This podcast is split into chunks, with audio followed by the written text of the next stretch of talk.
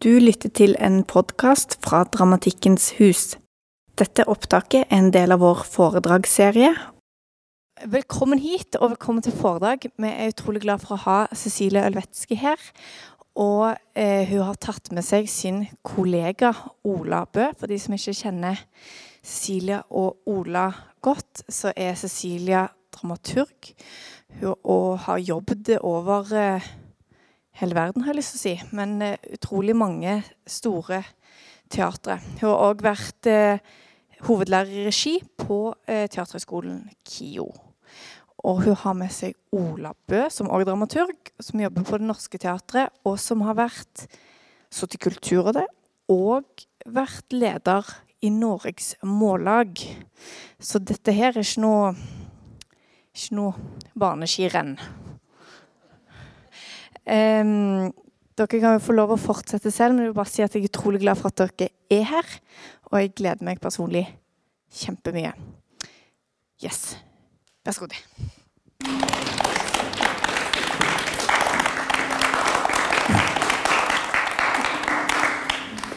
Ja, tusen tack Matilda för invitationen. Det var länge sedan när vi talade om nästan ett halvt år sedan att jag ska komma med någonting som eh, ligger nära till mitt hjärta, men det ska inte handla om jobb och det ska inte handla om mina barnbarn heller. Det är Ola förbjöd det.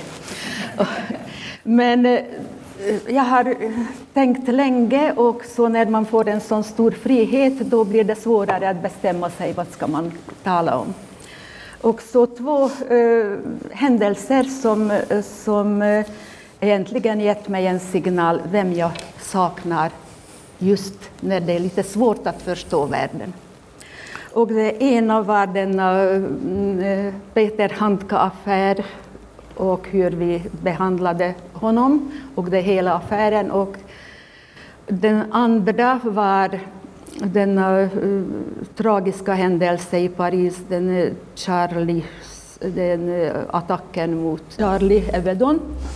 Och så som det följde att det 40 statsledare kom till Paris för att visa sin stöd för Charlie och för yttringsfrihet. Bägge två, det synet av denna 40 statsledare och många som jag vet konkret är många journalisters eh, död på sin gärning. Och sen denna väldigt märkliga behandling som Peter Handke fick kom jag på att ja, det första som jag sa, jag skulle så gärna ha talat med Haldis om det. Och den andra som jag säger ofta när det är lite mer hårdare betyder, var är Josef Brodsky? Och då tänkte jag berätta om denna två människor som jag vitt förkärliga också lika väl för mig än, än två människor som jag så skulle gärna ha haft runt mig. Bägge två är döda. Haldis döde i, som var 88 år. Brodsky döde när han var 56 år. Och bara några månader, deras dödsdag, finns det bara några månader skillnad. Nu när jag sitter här och jag ska tala om Haldis Moren Vezos, då skäms jag lite grann. Nästan alla kan lika mycket, om inte mer, om Haldis än jag. Och här sitter Guri som verkligen kan en hel del om, om, om sin mor. Så jag, jag skäms lite grann och jag försöker sammanfatta mina personliga eh, möten med henne. Det blir överhuvudtaget varken om, om eh, Haldis eller om, eh, om eh, Josef Brodsky blir ingen sån litterär föreläsning. Det blir mera mina personliga upplevelser. Haldis som person och som diktare och som översättare. Och så, så Brodsky som en väldigt skarp vägvisare. Väldigt inte alltid enig med honom, men världen saknar honom. Det menar jag, inte bara jag. Så när uh, Ola och jag har, har eh, sista gången Haldis Moren Vesos eh, 100-årsjubileum av hennes födsel har vi gjort en, en lite eh, men eh, vi tyckte det var väldigt fin, fin lite program. Det var stor, stor eh, överallt hyllade henne, henne, hennes hundraårsdag. Så vi var bara en liten bit av det. Och så, det var inte mycket kritik, det var mycket som skrev i förväg om det och publikum, det var i juletiden och publikum kom. Så det var i denna stora huset ibland, det var bara vi som spelade denna lilla eh, ensemblen för, för den Haldis drog publikum överallt. Men eh, då fick vi en kritik, en enda kritik i, i Dagbladet också mm, det var väldigt hyggligt att det var varm, generös, goda skådespelare, goda uppröstning. Men, men var är kritiken? Var är nytolkningen? Var är, varför tog vi inte fram i en jubileumföreställning en lite problematisk sida av Halsmåren? Eller uttryckte sig inte så klumpigt som jag. Men då tänkte jag en jubileumhyllning med lite kritisk syn, det skulle ha sett ut. Men så jag ville bara säga, här blir det inte heller någon, någon eh, kritisk syn. Det blir hyllning även till denna arroganta Brodsky. Så jag ville bara, som jag sa, vi ville bara berätta om, om våra egna minnen av, av Haldis. Jag fick, eh, fick eh, möjlighet att jobba med henne i hennes sista 15 år och mina första 15 år på den norska teatern. Ja, om jag hatar någonting då är det att säga till en, en stor diktare och så säga på förnamn. Jag skulle aldrig tänka mig att säga att ja, jag, jag talar om P.O. och det gäller P.O. Engqvist. Jag, jag, ska hålla en föreläsning om Lars och då är det Lars Norén. Jag tycker det är så, så inte ens att jag ska nu tala om Arne. Men eh, när jag säger Haldis och jag ska fortsätta med det, då har sin egen historia. När första gången jag har träffat henne, det var min eh, första år i, på den norska teatret. Och jag som vanligt, eh, jag fick ett uppdrag som jag ofta får i Sverige, i Norge, i världen. Kan du finna en god kvinnopjäs, det som ger goda roller för kvinnor? Jag läser ibland i stora bokstäver i, i, i, att ingen bryr oss om, om, om kvinnostycke, ingen skaffar oss, oss, roller och då tänker jag, jag har inte gjort något annat, bara läst läst både dåliga och goda kvinnostycken och hela, alla mina chefer kom också och krävde mig att jag ska finna på någonting. Det var också Brodal Eh, kom in, det var mitt första uppgift och, och ja, efter om och nej, jag har kommit fram att jag ska rekommendera eh, Lärde damer av Molière. Och det varit lite diskussion om det, att det är just nu när feminismen är på frammarsch, är det, är det verkligen klokt att vi ska göra narr av kvinnor som vill vara gärna med i litteraturen, helst på ett modernt sätt?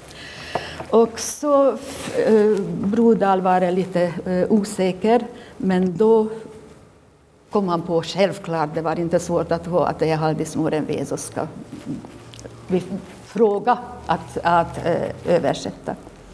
Och då när Haldis sa att oh, det blir så morsamt, sa det till Brodal och vi kvinnor äntligen får visa att vi har humor också och ser oss i, i en, en eh, en lite annorlunda än bara hyllning. Ja.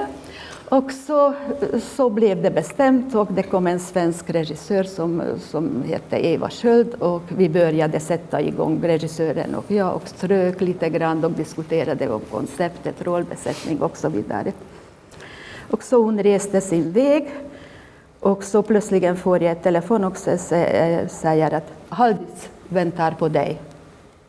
Haldis. Jag kände ingen annan Haldis än Haldis Huas, min kollega. Men varför vill hon att jag ska ge tillåtelse att hon ska komma in? Jag tänkte, är sånt är det här i huset.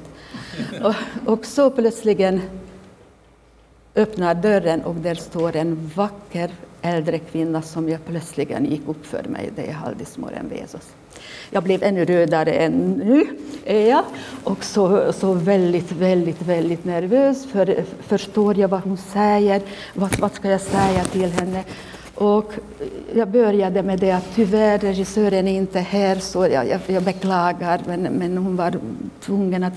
Nej, nej, det, det vet jag, sa hon och satte sig ned vid, vid, i mitt rum och så säger men jag vill prata med dig.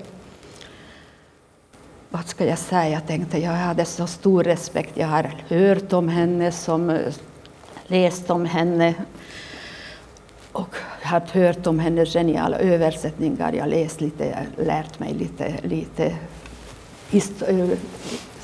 Aldis biografi och självklart. Och så tänkte jag, vad ska jag säga till henne? Och så, no, vad tänker ni? Och så började jag långsamt komma igång. Och så det slutade det att vi har suttit nästan två timmar och gick lite igenom strykningar. Och det sista som hon sa när hon gick ut, att det blir göj. Och, och, det blev faktiskt det hennes, hennes ofta använda ord när hon satte igång en översättning, att det blir göj. Och det blev det. Så därför, jag som inte kunde föreställa mig att, att från receptionen kunde man ringa upp och säga Haldis, jag förstod att Haldis är ett fenomen. När det filmen kom om henne, då stod ingenting annat, bara ett stort namn, Haldis, och alla visste vem man talar om. Så det var mitt första möte med, med Haldis. Och, och senare, Ola och jag, vi har gjort många, många ja, som små föreställningar, små och större, med hennes dikter. Det var alltid populärt. Det kunde man nästan inte annonsera och publikum kom bara att se henne, bara att höra på henne. Men vad var det som, som var så väldigt speciellt med henne för mig? För eh, inte som, som eh, en litteraturmässig analys, utan det som att att hon, var, hon skrev så sensuell och det, det var mycket erotik som aldrig blev vulgär eller direkt och mycket eh, kvinnlighet utan att man kunde säga att det är kvinnlig lyrik. Det var det inte. Det var en, en vacker lyrisk poetisk samling som heter Haldis Morenvesos, en kvinna som har skrivit för att ge lite, lite eh, säkert ni, ni kan bättre, om den är denna väldigt fin sensualitet, erotik. Jag skulle gärna att Ola illustrerar lite mina ord. Det blir ett maskulint inslag Då. Det är ett dikt som heter Bölje Jag tror det är lukt av Britannien här så vidt jag minns. Eh, men det betyder inte så mycket. Et forsøk. Bølge. Morgen innover vårt hvite rom med blanke, svingende ruter. Det ler ut mot himmel og hav og vær. God morgen og alt som vi eier i lag. God morgen, ditt sinn, det er som en blom utsprungen mot mine øyne i dag, og sinnet mitt eige åpner seg vidt i lykke mot dagen og ler imot ditt. Som en konkylie gjennomstrømt av havsus er huset. Ustanselig trår havet mot landet i dag som i går. Vi hørte det sang gjennom alt vi har drømt. En smaker det hav av oss vi som vart kyst og vogga og femt av det gårsdagen lang. Du er som det, nå, du er som det når du tek meg i fang. Bølge, det er du mot munn og bryst. Drucknar du mig? Nej, allt gott du vet av, vill du mig våg för det vide hav.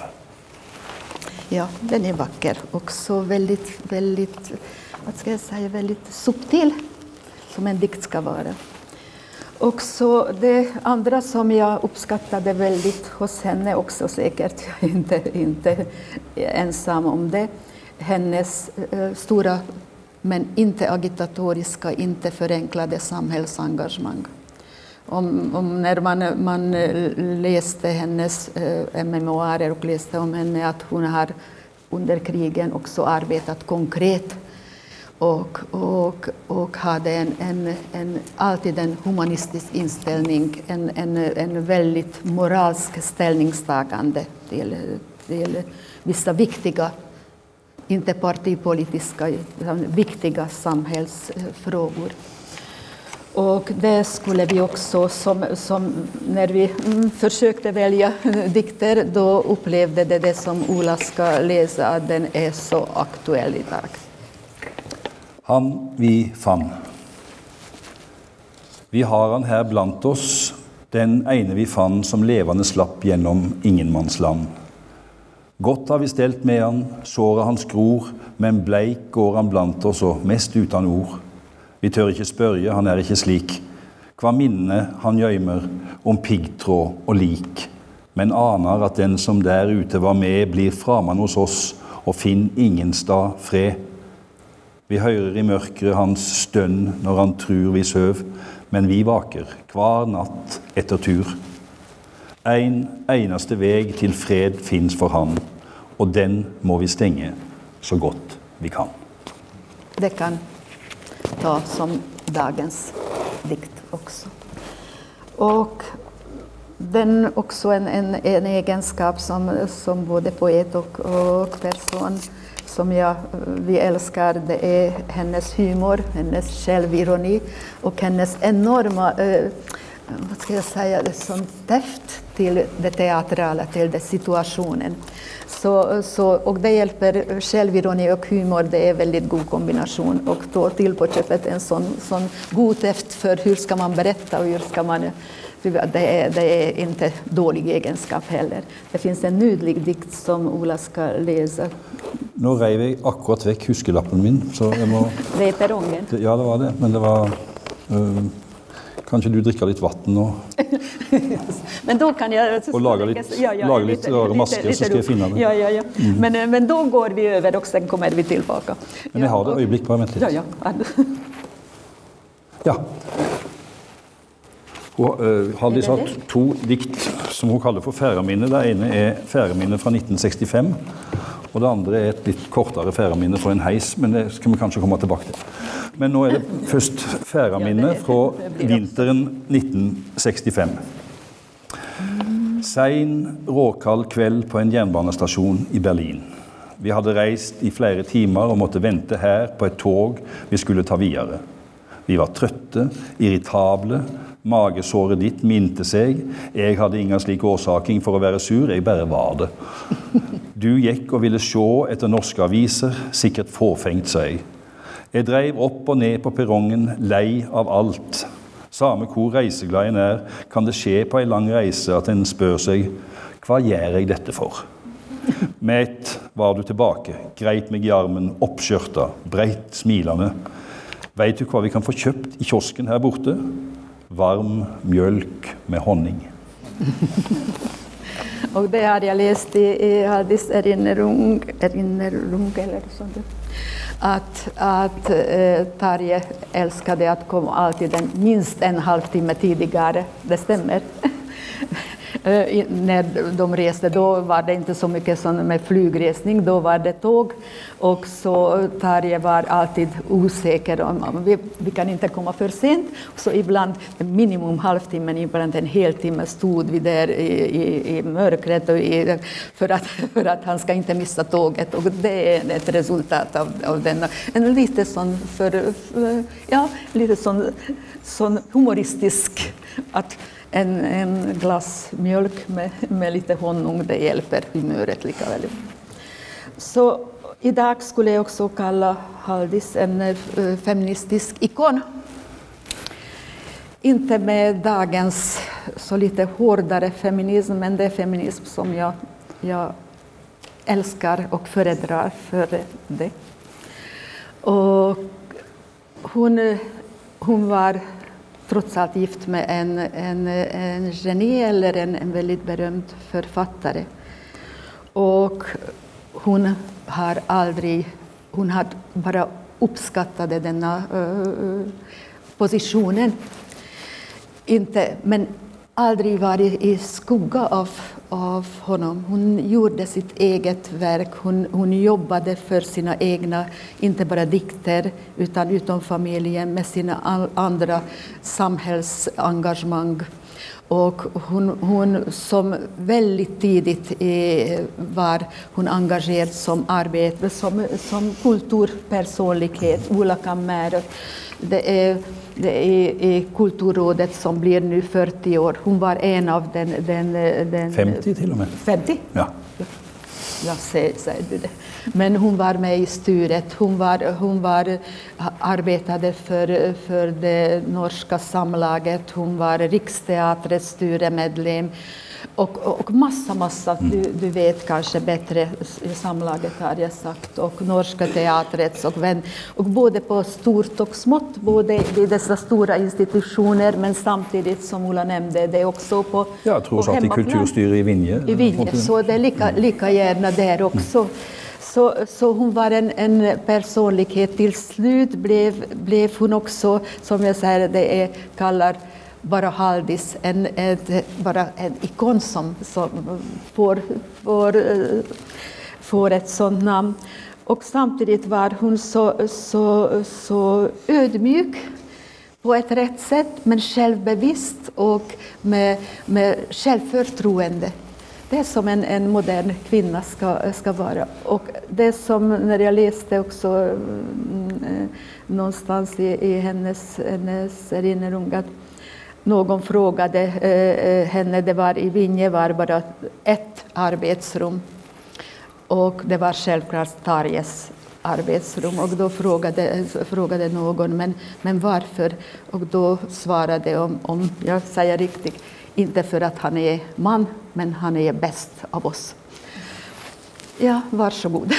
Så, så det, det, det var en, en väldig generositet mitt i det också, så en, en eh, självsäkerhet och hon hjälpte också väldigt mycket eh, och skrev om kvinnliga diktare som egentligen var, var hennes eh, konkurrenser. Skrev väldigt vackert. Hon hjälpte många kvinnor.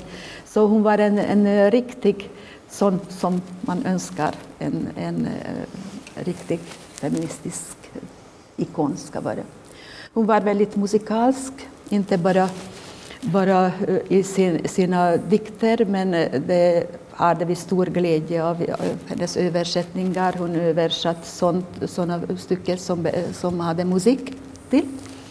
Och, och hon kunde sjunga med också. Och jag läste att hon var den mest tonsätta av norska diktare någonsin, men inte så lite marginal, utan enormt stor marginal.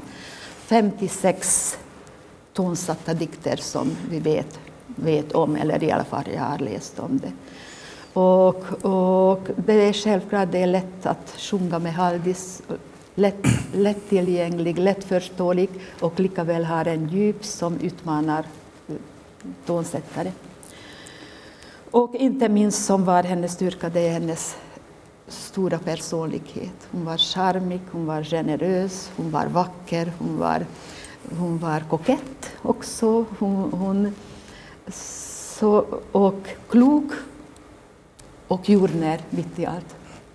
Så det var en, en, en Ja, Gud har gett henne väldigt många goda egenskaper, det måste jag säga. Och vid talangutdelningen var hon väldigt i första hand.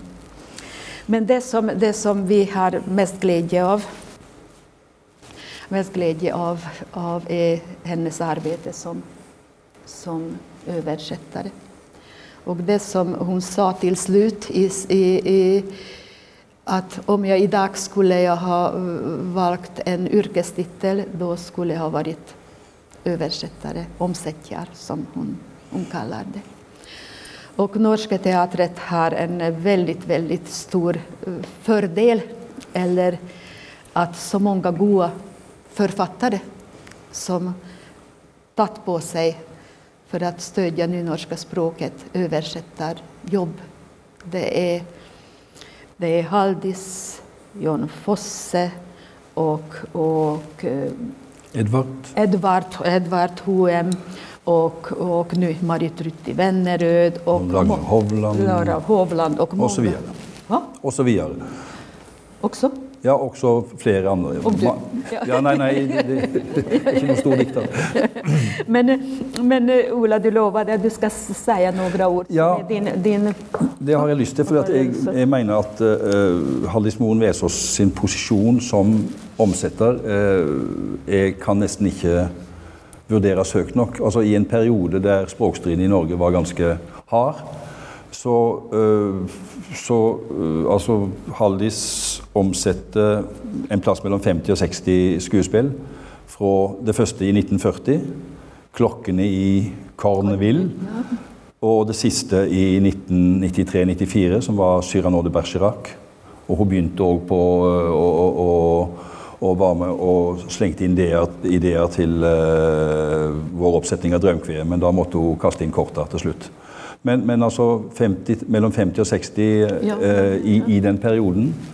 Eh, og, øh, og nynorsken som scenespråk, eller nynorsken som kulturspråk i det hele tatt, eh, ville aldri ha vært i den posisjonen de er i dag, hvis det ikke hadde vært for omsettere av kaliberet uh, Hallis Moen Vesaas, Hartvig Kiran, selvsagt, Edvard Hoem nevnt, eh, i en veldig viktig periode. Altså, de to norske skriftvariantene er unge eh, og og eh, nynorsken er faktisk eldst. altså Bokmål er en serie med eh, rettskrivinger fra 1920 og utover. Men, men eh, slik at vi snakker om unge språk som, som der, der teatret spiller en veldig viktig rolle. Og Haldis eh, plasserer ikke nynorsken i en slags konservativ bås, men hun er faktisk en ganske radikal eh, språkbruker. Jeg skvetter mange ganger når jeg ser på ting hun skriver. Å, faen! Det trodde ikke jeg hun gjorde, altså. Men, men eh, det hjalp både, både hun og Tarjei Vesaas. De var altså, jeg tror de var veldig klar over at, eh, at eh, nynorsken ikke kunne låses fast i en veldig konservativ form. altså Nynorsken var nødt til å være på hogget, rett og slett. Og, og Haldis var veldig på hogget. Og, og, og, og hadde en veldig teft for, for språk i det hele tatt. Enormt. Ja, det, det, som, det som var också Haldis kännetecken som många kritiserade, nu kommer jag en som många inte jag, många kritiserade att hon, hon tagit sina friheter. Hon själv tagit väck när hon tyckte det började bli tråkigt. Och lite omskrev när det var inte morsamt nog. Och så vi var, vi var väldigt tacksamma för det, men den, den så kallade litterära tyckte det var, var inte, inte riktigt, inte riktigt. Men regissörer och skådespelare älskade det, att hon blandade sig i och hjälpte till lite, till och med Shakespeare också, lite sånt, behöver hjälp av Haldis. Men eh, en, en man som tyckte inte särskilt bra, bra om den, det var den franska storregissören Jacques Lassalle, chefen för Comédie Française, väldigt känd personlighet. Så Haldis översatt två eh, pjäser för honom och eftersom Haldis talade utmärkt franska också eh, Jacques Lassalle beundrade som en äkta fransman hennes gras och skönhet. Så det, var väldigt, det började väldigt bra. Och så, så det första var Racine eh, mm, eh, Berenice och där var det några, några som, som var de lite oeniga, men, men det, där är det ofta Haldis som, som vann. Det var en, det var en väldigt fin föreställning, Ulrika var med. Så det, det var en väldigt, väldigt, väldigt vacker föreställning. Och, och där, var, där var inte så mycket sån, sån motsättningar mellan dessa två storheter. Men då kom Molière. Och Haldis tyckte att Molière behöver också lite sån hjälp med humor. och det tyckte inte minsann mm, eh, Jacques Lassalle. Molières varje ord är guld. Och då började en, en, en stor arbete, samarbete, men en hård, hårda bud. Varje dag är något, vad är det för något? Vad är det för något? Men Haldis var så fantastiskt så ödmjuk. Visserligen hon skrev senare i en, i en artikel att jag trodde att han mördar mig visserligen med mjuka handskar men jag blev död efter den omsättningen. Men till slut kom de fram och det blev det sista ord som hon skrev till, till eh, förord till, till eh, bokutgåva att, att det var hårda bud, men merci beaucoup, monsieur. Så det, var mycket, det blev mycket bättre.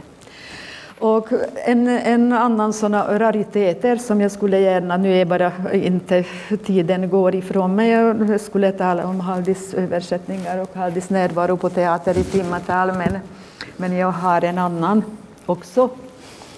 En annan mycket hårdare bud, eh, denna Jonas Broski men två sådana så kanske litterärt eh, eller teaterhistoriskt eh, intressant att att eh, på öppningsföreställningen, som öppningen för den nya stora teater, det blev Romeo och Julia.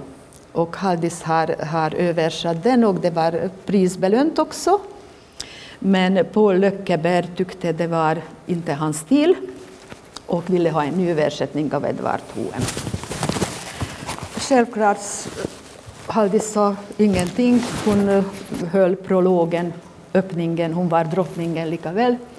Men eh, hon, hon klagade inte, utan då blev det Edvard som har gjort en väldigt, väldigt fin översättning. Men mitt på, på, på, på prövetiden plötsligen säger Paul Löckeberg men nej, nej, nej, det är inte bra Edvard. Det ska vi ta tillbaka Haldis, denna stora kärleksscenen, hon är mycket bättre än dig. Så hon lyckades, så hon lyckades förnärma både Haldis och, och Edvard på, på samma dag. Så, så, men, men två generösa personer, så då blev det lite både Haldis och stort sett Edvard, men den stora kärleksscenen talade med Haldis ord. Och det skedde lite grann på samma i den sista produktionen som jag var med Faust eh, med Erik Stubö. Att vi skulle så gärna ha spelat i Haldis mm, Moren Vezos översättning. Men det var en så pass typisk Stein-Winge-bearbetning att det var ingen chans att komma ifrån det. det, det de bestämde att det ska bli så tillsammans och då blev det så strykningar. Så då är det Jon Fosse som översatt, inte heller en, en liten kapacitet. Men, och det gick bra också, men vi gjorde av samma, samma arroganta... Så plötsligen kom både Erik och jag denna som heter inläggning. Ja, eller tilläggning tror tilläggning. jag. Mm. Det måste vara Haldis. Och så, hur ska vi säga till Jon Fosse? Och så har vi kommit på att det ska inte skådespelare säga att hela Faust börjar med att Haldis säger det och, och skådespelare står och lyssnar på det. Och Jon Fosse tyckte det var en väldigt god idé, så det kom vi också undan med, det, med lite sånt. Och så den andra, andra som, som, som Haldis var väldigt stolt över när hon översatte tolvskillingsopera, Bentain Borssons regi. Och det Bentain sa att nej Haldis, nu ska du se att, att, att kronan ska rulla av när du blir, blir lite vulgär och, och som barsk, för det ska du bli. Och Haldis älskade det. Och så när resultatet kom då sa Bentheim, ja men Snälla Haldis, så barsk och så vulgärt har jag inte tänkt på. Men hon var väldigt, väldigt stolt över det och det var väldigt musikalskt och fint. Så det är sådana små minnen som, som, som jag skulle börja berätta. Men det, då kommer jag också en, en när det plötsligen fick vi besked eller vi visste att, att Haldis blev sjuk. Det var en, en allmän sorg på teatern och inte bara lite sjuk utan när hon inte kommer på en, på en, en eh, föreställning eller när hon avlyser sin egen eh, läsning av, av poesi på vår teater, då, då är det någonting som inte stämmer. Så hon har fått kräft och var det inte den bästa sorten heller. Men eh, det sista uppträdande var likaväl så lite, lite morsamt och, och, och intressant. Vi spelade, jag tror att det var Astrid Lindgren. Eh, Emil, tror jag. Emil kanske, det var Emil. Och då kom Astrid Lindgren kom kanske första gången för att vara med för att träffa Haldis. Och Astrid Lindgren i, sin, i, i denna perioden var helt, nästan helt blind Och Haldis i denna perioden kunde nästan inte gå.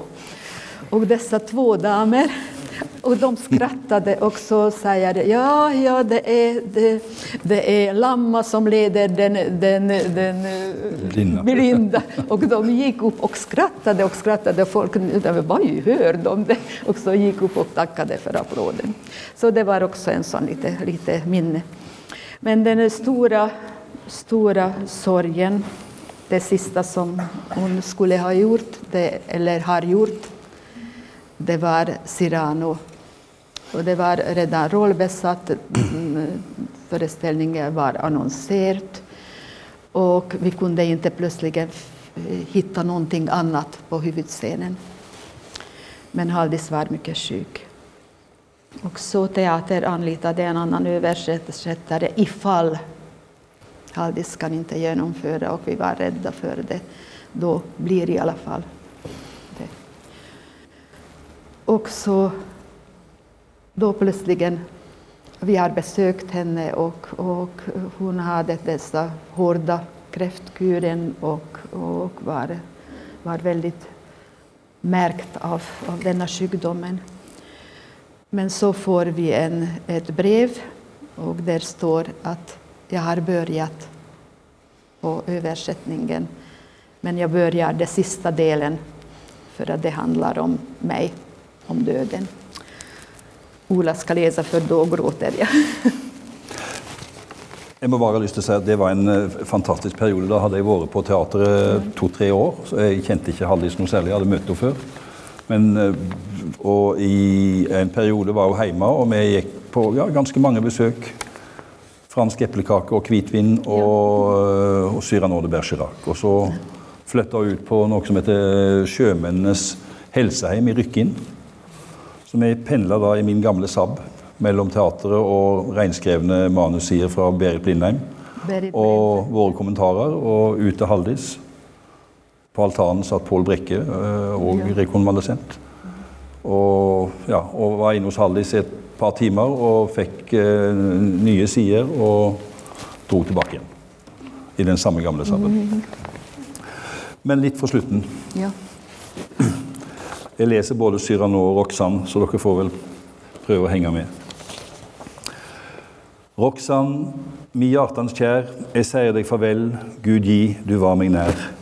Jeg skal snart dø, og jeg har sjel og sanser fulle av kjærleiken til deg, den kjærleiken som skulle ha fylt det lange liv vi venta oss i lag.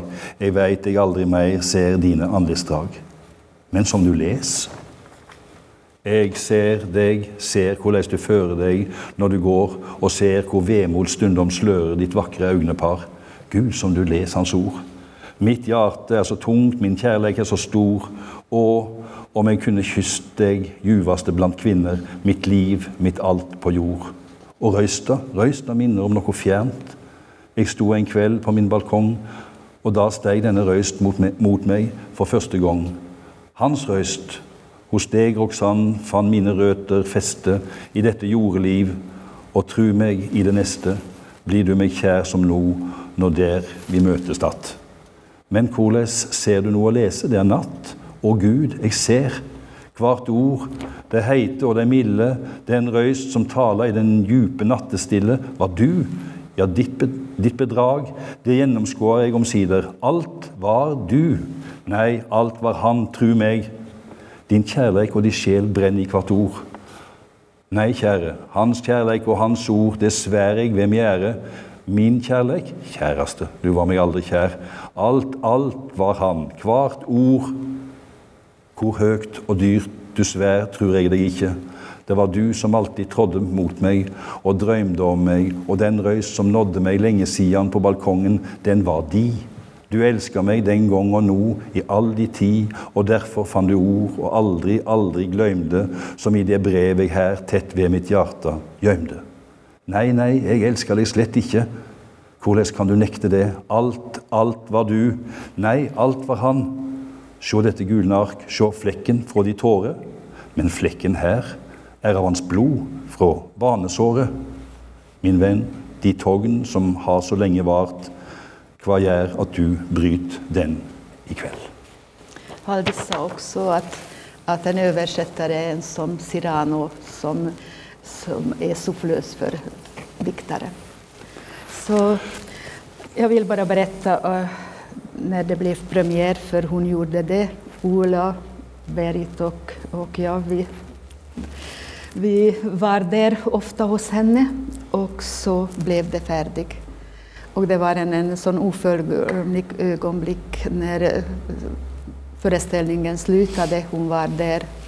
Hon satt långt bak för att få lite plats och hon, ska inte, hon kunde inte gå upp och tacka och applåd. Och så när, eh, när eh, Svein Berg har efter föreställningen visade till henne, hon kunde knappast stå upp, med, med hjälp gjorde hon, då hela salen har vänt sig, stått upp och så långa plåt har jag aldrig upplevt. Det var en hyllning till en stor diktarinna och en väldigt stor personlighet och människa. Så det, mm, det glömmer jag aldrig. Och det var en eh, Haldis Ja, jag skulle gärna, men tiden går, upp tala om, om hennes sista kärlek som, som eh, kom i 70 års ålder och blev så vackra dikter utav det. Och så jag skulle också gärna eh, tala om att, eh, med mig i alla fall, vi har aldrig, hon har aldrig talat så mycket om, om, om sin eh, berömda make Tarje, men i sista tiden nämnde, nämnde hon att oh, Tarje har nått så långt, men han kunde aldrig skriva pjäser. Och det var så, så, hans pjäser inte riktigt bra och han var så, Haldis och, var så, så ledsen över att han fick inte till. Och så den dagen när, när hon döde, då var en, en eh, premiär på Bleikeplatsen. Mm. Visserligen en, en eh, dramatisering, men Haldis hoppades så mycket att det ska lyckas. Och vi var där, Guri och familjen, och jag var så stolt att höra att, att de likte det, så de kan berätta till Haldis att, att nu gick det bra också. Men då var, kunde hon inte, så vitt jag har förstått, få med sig. Är det sant, Guri? Ja. Så, så var det. Men, men nu kommer jag över via Halvis till en annan personlighet, helt motsatt av uh, Haldis Morenvesos. Det är Josef Brodsky och jag saknar honom också väldigt mycket. Beklagar. Men ja, vem var denna Josef Brodsky? Mm, jag finner den. En, känner flera många av Brodsky. Då ska jag säga några ord om, om honom, för han betyder väldigt mycket eh, för mig. Det, men det, det fick jag från Haldis faktiskt.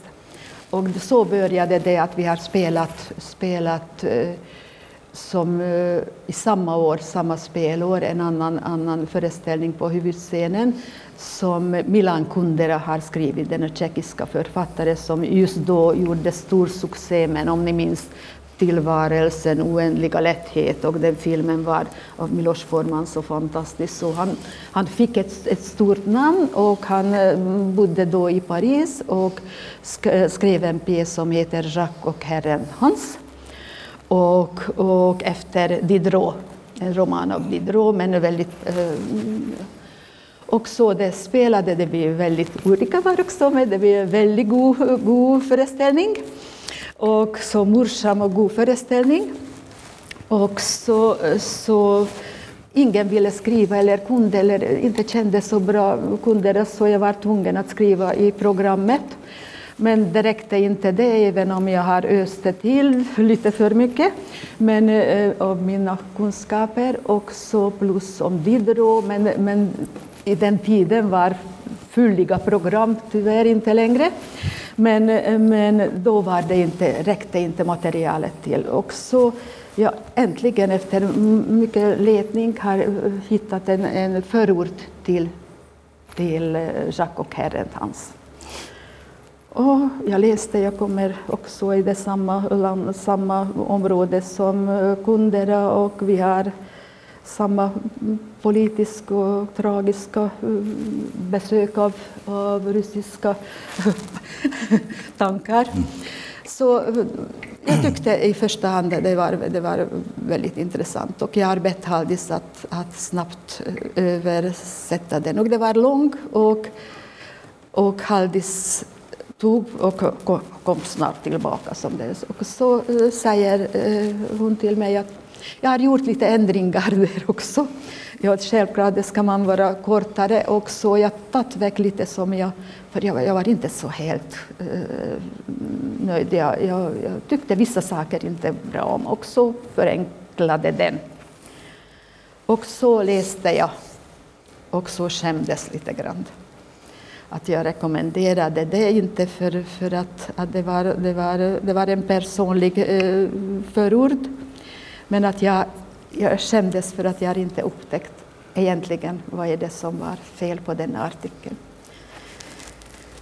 Det, det, började med hela att, att Kundera, som var en känd, eh, känd författare, men eh, oppositionell, och när dessa ryska tankar kom in i, i Praga, då, då dessa oppositionella blev förbjudna självklart. Och han, han skriver i, i, i sin förord att att en, en god mm, kollega som regissör kom till mig och sa att, att eh, jag kan skaffa dig jobb.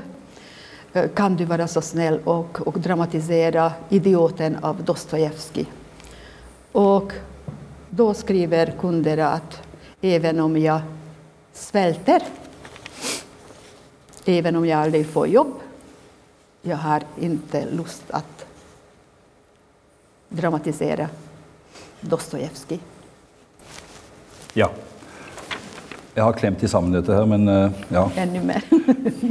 får vi se. Ja.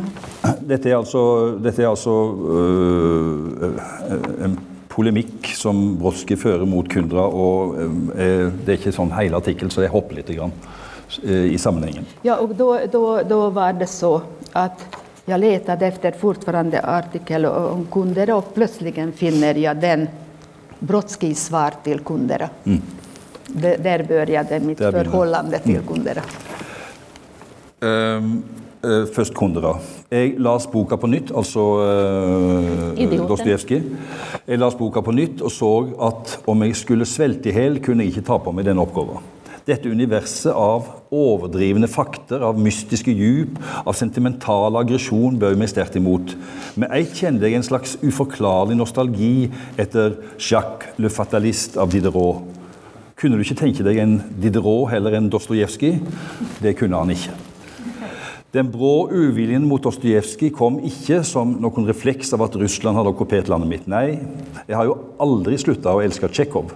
Nei, det som irriterte meg hos han, var selve klimaet i bøkene hans. Et univers der alt er kjensle. Sagt med andre ord, et univers der kjensler blir opphøyd og får rang av verdi og sanning. Kjensler er uunnværlige for mennesket, men kjensler blir farlige når det blir, når det blir kriterium for sanning, rettferdiggjøring av handlemåte. Nasjonale kjensler av edleste slag kan føre til grufulle gjerninger, og med brystet svulmende av lyriske kjensler kan mennesket gjøre den verste udåd i kjærleikens hellige navn. Mot dette protesterte Brodsky. Men udådene i den verden blir ikke gjort i kjærleikens navn, men ut fra tvingende historiske grunner. Som omgrep er den historiske nødvendighet et produkt av rasjonell tenking som har nådd Russland fra Vesten. Föreställningar om den edle ville, om en medfødt god menneskenatur som blir hindra av vonde institusjoner, om idealstaten, om sosial rettferd og så bortetter. Ingenting av dette har vokst fram eller blomstra på Volgas bredder. En bør kanskje motstå freistinger til å se degenererte, men gaverike parasitter i 1700-tallets parisiske salonger som opphavet til den moderne politistaten. Men en bør ikke glemme at Das Kapital ble omsett til russisk fra tysk. Det er sant at tropper og stridsvogner irriterende regelmessig har strømt inn i Kundras heimland østafra, men det som får han til å tro at slike mennesker som Dostojevskij skildrer bare eller at slike mennesker som Dostojevskij skildrer, bare kan finnes i den delen av verden, er enest at den vestlige verden ennå ikke har fått fram en dikter som borer så djupt som Dostojevskij. Det kunderna ser, er verdener av kjensler eller fornuft. Eller der kunderna ser verdener av kjensler eller fornuft, ser den russiske forgjengeren hans den allmennmenneskelige hangen til det vonde. Av alle folk er tsjekkerne de som er best plassert til å kunne se denne fellesnevneren. I 1968 kan de ikke alt ha glemt hva som hendte 30 år tidligere, da invasjonen kom vestafra.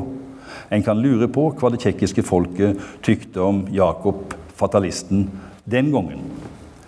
Mot slutten av teksten sin skriver Milan Kundra Framfor den russiske natta opplevde jeg i Praha slutten på den vesterlandske kulturen slik den oppsto i morgengryet av den moderne tid. En kultur grunnlagd på individet, på tankens mangfold, på fornuft og toleranse. Det var det store farvel. Ja, dette høres staselig og tragisk ut, repliserer Brodsky, men det er bare teater. Kulturen dør bare for de som mislykkes i å meistre den, på samme måte som moralen dør for en vellysting. Den vesterlandske sivilisasjonen og kulturen, medregna kunderas definisjon av den, bygger først og sist på offerprinsippet, på forestillinga om et menneske som døde for våre synder. Når den vesterlandske sivilisasjonen og kulturen er truga, mobiliserer den alltid nok handlekraft til å bekjempe fienden, sjøl om fienden kommer innenfra. På mange måter var den siste krigen den vesterlandske sivilisasjonens borgerkrig. Å gyte sitt blod gir ikke noe glede. Det er ikke engang sikkert at det holder som en liten imitasjon av Kristus. Men så lenge mennesker er forberedt på å dø for sine ideal, er disse idealer levende, og sivilisasjonen lever. Den russiske natta, som har senka seg over Tsjekkoslovakia, er ikke dypere enn den var da Jan Masaryk ble kasta ut av et vindöga av agenter for det hemmelige sovjetiske politiet i 1948. Det er den vesterlandske kulturen som har hjulpet Milan Kundra å overleve denne natta. Det var i den natten han lærte å elske Dennis Diderot og Lawrence Stern og stemme i med deres skratt. Men det skrattet var et privilegium for frie menn, slik Dostojevskijs sorger var det. Og den, det skrev av en som var i sovjetiske arbeidsleger, tre ganger fengslede, psykiatrisk klinikk och till slut utvisades från Sovjetunionen. Och likaväl, och likaväl han kan se både sitt eget liv och sin, sin nationens och historien i en, en mycket, mycket större perspektiv som, som vi ofta ser. När jag läste den då började jag leta efter vem är denna Brodsky och så plötsligen finner jag en annan, då fortfarande vet jag ingenting om honom, finner jag en, en annan stor essä som heter Tyranni. Och så plötsligen blev allt mycket klarare för mig som jag senare försöker förklara. Men vem var denna Brodsky? Han, eh, han eh, var, är född i 1940 i Petersburg han var, eh, kom en judisk familj och han, 15 år gammal, han slutar att gå på skolan och försöker få småjobb och börjar gå på, mest på bibliotek och, och slår, går runt och, och läser sina egna dikter till folk på gatan. Och, och han blev först, först äh, hämtad i, i som 18 års ålder. Och så finns en, en beskrivning av, av denna uh, uh, polisens utfrågning av, av honom. Och det låter ungefär så att, att du har inget yrke, du arbetar inte. Nej, jag är poet, säger han självförtroende. Vem säger att du är poet? Nästa fråga. Jag säger själv. Och så, var har du lärt dig? Har du gått på skolan? Är du, är du färdig med skolan? Nej, jag har inte gått på skolan. Vem har lärt dig? Och då säger jag, jag tror det är Gud det var en, en dubbel eh, stor, stor poäng för, för denna förhöraren. För det första, han fick inte ut av det att han ska mälla sina vänner eller vem som har lärt honom att, att skriva.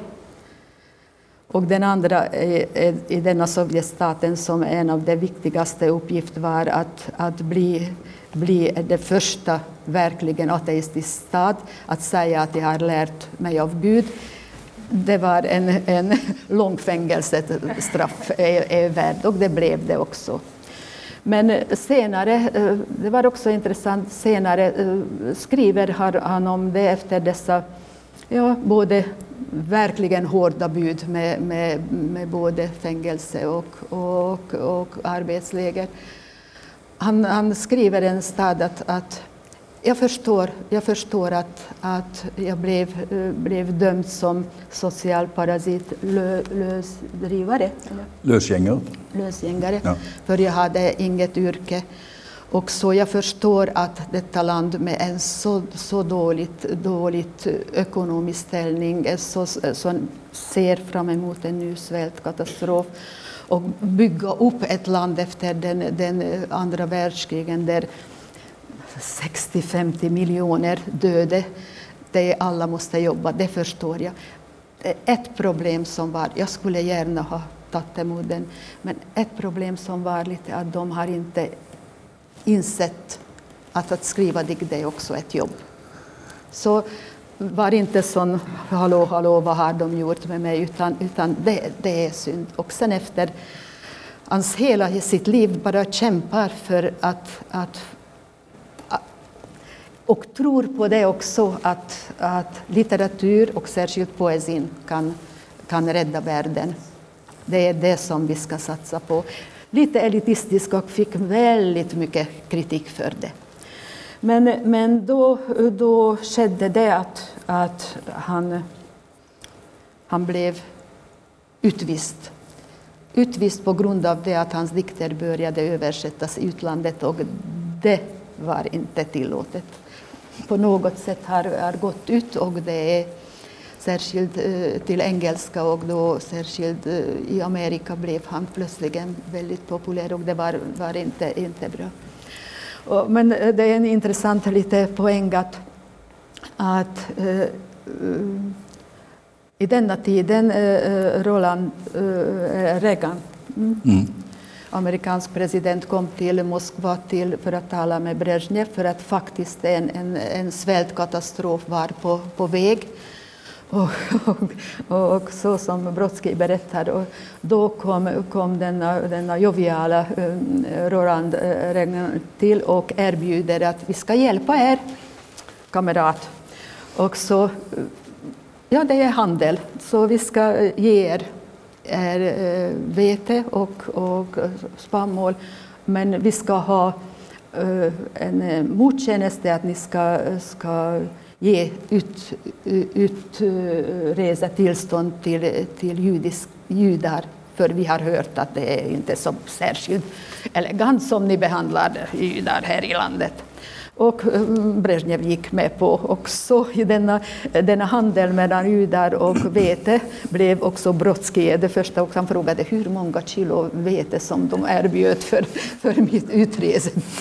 Men han ville inte lämna landet. Han vägrade, vägrade, vägrade in i det sista. Och då vänner försökte att han, han hade sin, sina föräldrar som, som eh, kvar, men särskilt också en, en, en son, men särskilt att han är, han är en rysk poet. Jag kan inte leva någon annanstans. Jag måste leva på med mitt, där mitt språk talas. Jag måste ha den publikum som talar på mitt språk. Så han vägrade. Men då sa de att då varsågod. Och då vänner försökte alla möjliga måter med, med gifta sig med en, en så låtsas och sånt, men det gick inte. Men till slut blev han kastad ut. Och innan han lämnade landet då skrev han ett brev till Brezhnev och det ska vi... Har man tid till det? Ja, vi hade, hur mycket tid hade inte? Som... En redigerad utgåva av brev till Brezhnev. Ja, då bara sista, sista, sista delen. Ja. Mm. Först en väldigt höflig invändning. Eh, och så eh, lite argument och så, och så avslutningar. Ty och nu har da Cecilia tvingat mig att läsa svensk. Det är väl straffet för att du har blivit hersa på nynorsk i alla dessa år. Jag har skarrer och klarar da inte att hålla stilen min ren. Ty jag upphör inte att vara en rysk författare i och med att jag förlorar mitt medborgarskap i Sovjetunionen. Jag tror att jag kommer att återvända. Författare återvänder alltid, i köttet eller på pappret. Jag vill tro på båda möjligheterna. Jag vet inte hur ert svar på min vädjan kommer att se ut, om ni kommer att svara överhuvudtaget. Jag beklagar att jag inte har skrivit till er tidigare. Nu är tiden upprunnen, men en sak ska jag ändå säga, att även om mitt folk inte har behov av min kropp, så kommer min själ att tjäna det till nytta. Ja, och det blev till slut. 1987 fick han Nobelpriset och blev känd i hela, hela världen. Och då kom första gången hem till sina dikter, även om han kunde inte. Han, han skulle så gärna ha tagit sina, sina föräldrar ut och det är så många som engagerades för sig, men i detta tillfälle var de, de sa bara nej. Så de, han ringde så ofta och det var en väldigt vacker film som, som jag skulle rekommendera, men jag har inte hittat bara på ryssisk. Det är det är ett, ett prisvinnare film efter en Brodsky-novell. Det är ett, och, ett rum och ett halvt. Där bodde de, Brodsky till, tills han blev utvisad med sina föräldrar och denna tiden som, som i, i, mer i, i Brodskys diktning som kom fram i filmen än någon historia. Det var en nydlig, nydlig, nydlig film. Men, eh, men då kom, kom han ut i, i den stora världen och blev omedelbart eh, eh, gjorde skandaler och, och till slut skrev han att jag har aldrig blivit så, så attackerad som i, i den fria världen. Mm.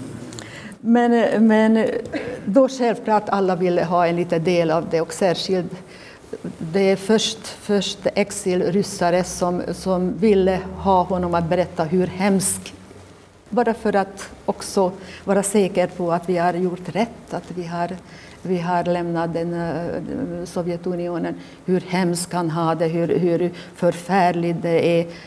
Och han vägrade. Han vägrade att men, men berätta om, om, om, om, om Sibirien och så, så sa han ja, en, en sak är säkert, martyr ska ni inte göra av mig. Jag har skrivit mina bästa dikter. Och en fri människa skyller alltid sin misslyckande eller sitt, sitt öde ifrån sig. Det är det första och viktigaste beskedet om du kallar dig fri.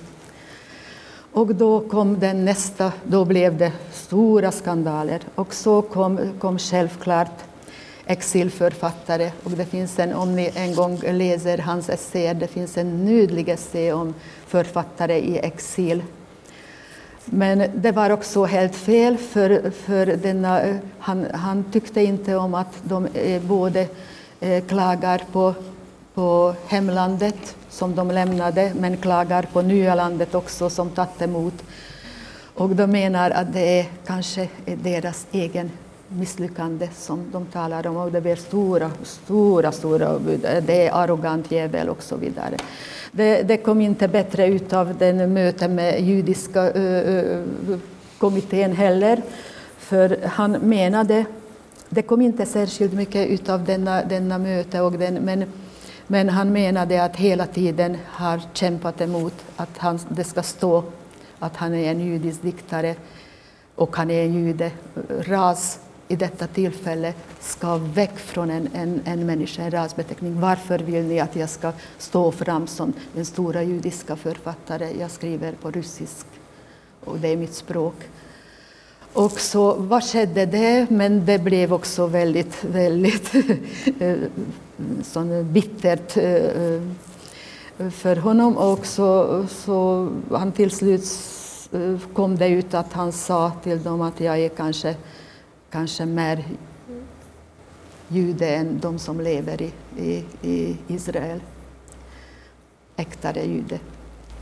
Han, han älskade resa han älskade resan. Han, eftersom han var så instängd så han reste världen runt och det älskade han och hade sina, sina favoritbeder men aldrig rest tillbaka till, till, till, eller aldrig rest till Israel. Så det var något, något konflikt där också.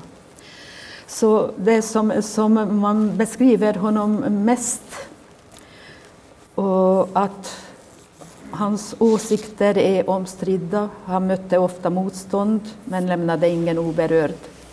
Han ägde en betydande karisma, var en sammansatt person, aldrig gjort försök att dölja sina antipatier. Många kallade honom direkt osympatisk. Mytbildningar runt honom är lika omfattande som de seriösa analyser av hans verk.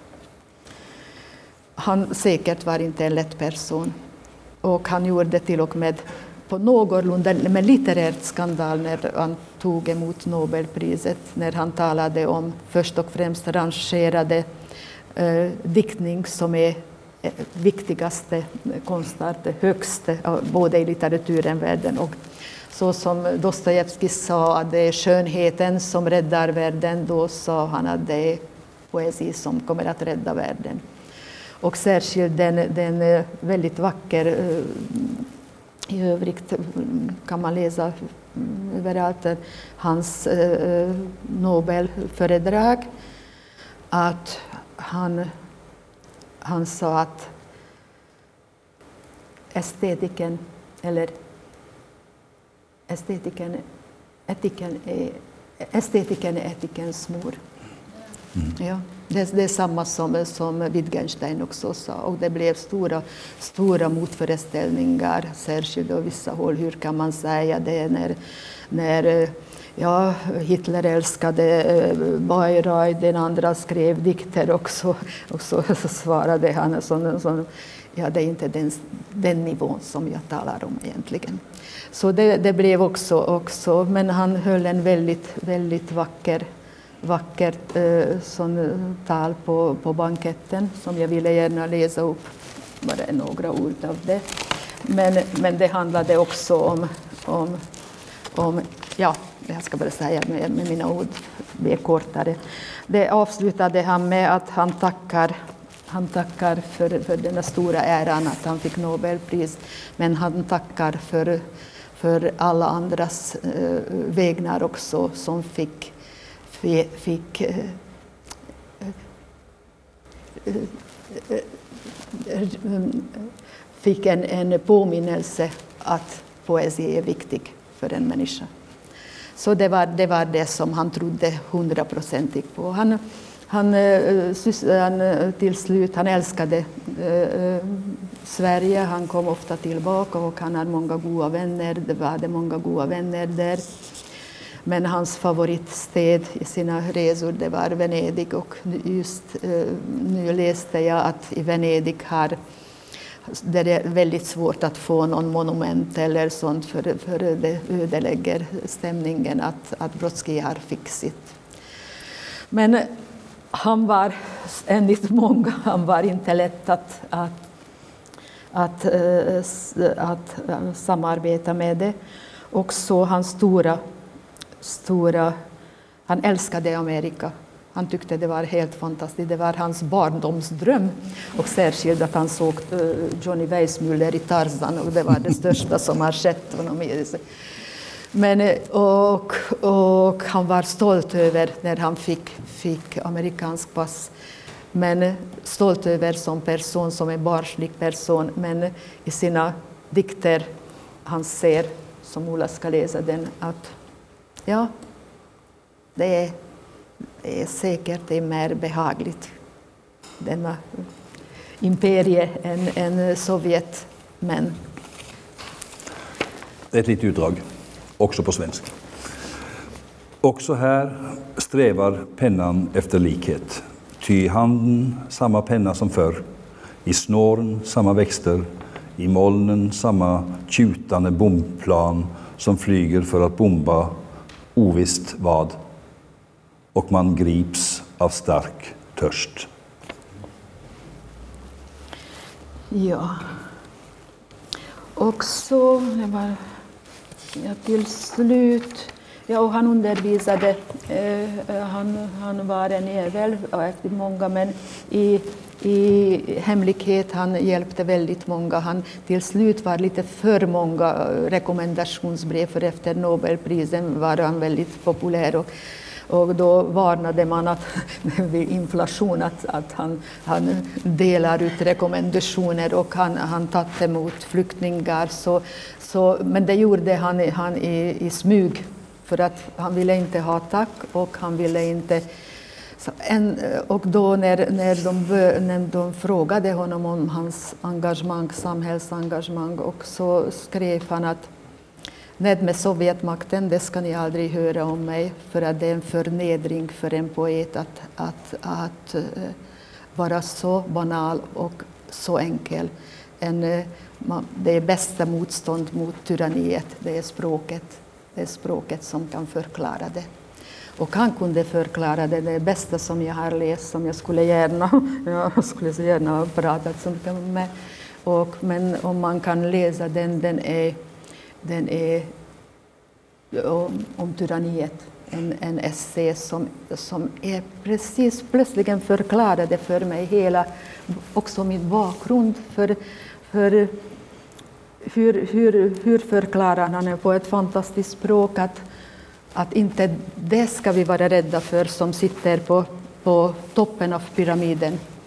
För de är dessa riktiga tyranner. Det är inte Stalin, det är inte Hitler, det är inte, det är inte eh, Idi Amin, det är inte det som blir placerat där för att de är väldigt labila där nere, utan det, det som tillåter det. Och då plötsligt blev jag så, så, så medveten om min egen bakgrund också. Det som byggs långsamt ut. Först kommer ideologin långsamt, långsamt så kommer det att bygga på den ideologin ett, part, en partysystem och sen kommer det mer och mer, sen kommer de som, som sysslar med att bevaka varandra an, an, angiver i systemet. Mm.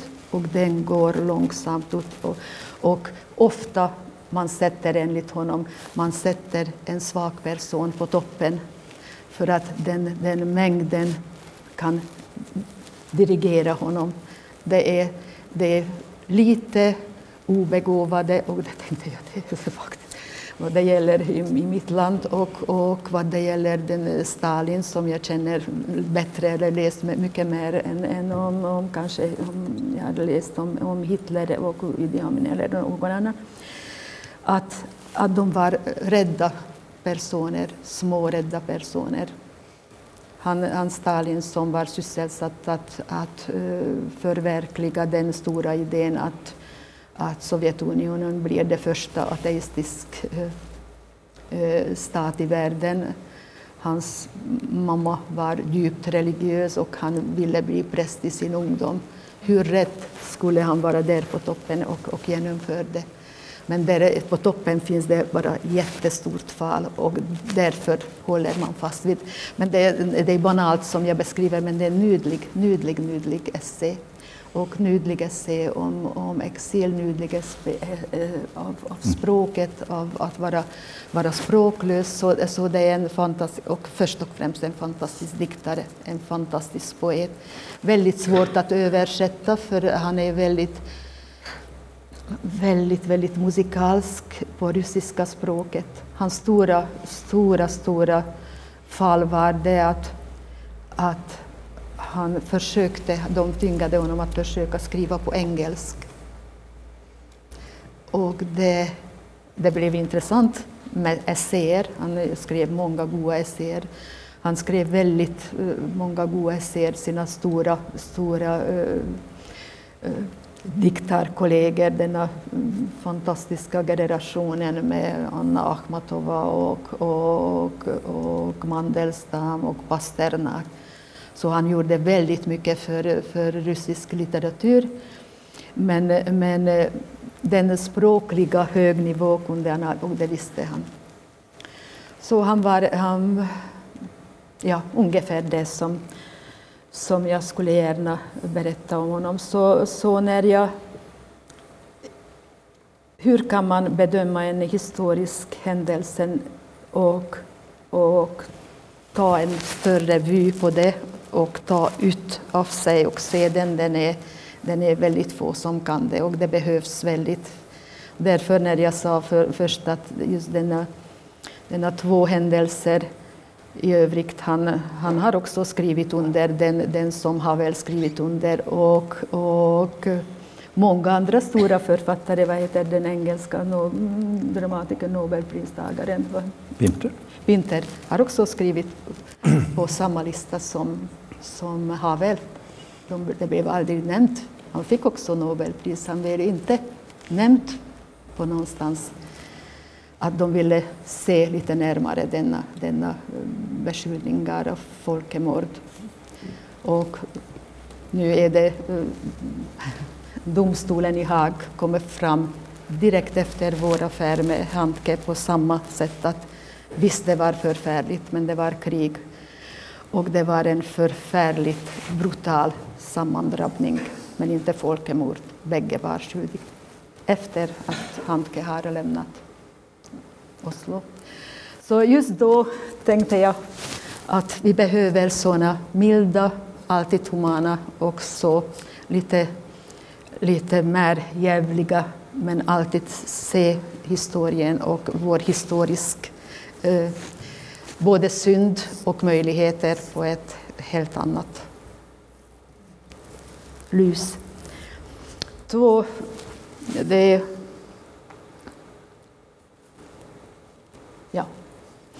Det är två, två sån eh, begravning som jag skulle gärna, som ena jag har upplevt när Haldis, Haldis eh, begravning, den, den var nydligt vacker, och, men jag blev mest, mest sån, sån eh, betatt av denna, denna mm, platsen, den, den, som, som bara stod, stod två namn, Tarja Vesos och, och Haldis. Mm. Och denna enkelhet och, och denna nydliga avsked som från Haldis.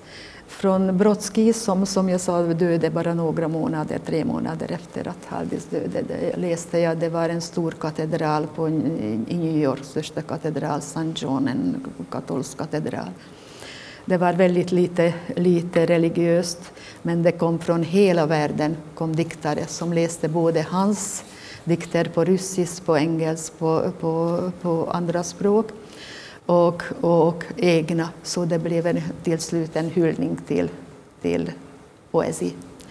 Ola till slut läser en, en dikt, hoppas jag. Ja, ett utdrag tänker jag. Denna, Från Ithaka. Ithaka. Mm. Den är återkomsten. Jag syns det är, det är en nydlig dikt. Om att vända tillbaka? Om att vända. Han kom aldrig tillbaka till Moskva, till, till Sankt Peters. Eh, dikten daterad dater till 1993. Ja. Att återvända hit efter 20 år, att barfota i sanden söka sina spår och när hunden skäller för allt han är värd inse att man inte är glad utan förråad och tärd. Slit av dig dina svettiga lumpor om du vill, men amman som minns ärret är död, det tjänar inget till. Och den som sägs ha väntat i nätter och dagar gav sig åt alla och finns inte mera kvar. Grabben har blivit stor och är själv matros. Hans blick säger att du lika gärna kan dra din kos och språket som alla runt omkring gormar på tjänade ingenting till att försöka förstå. Därför kom han aldrig tillbaka. Ja, tack för mig, tack för oss. Du har nu hört en podcast från Dramatikkens hus. Har du lust att höra dessa föredragen live, så se vår hemsida www.dramatikkenshus.no.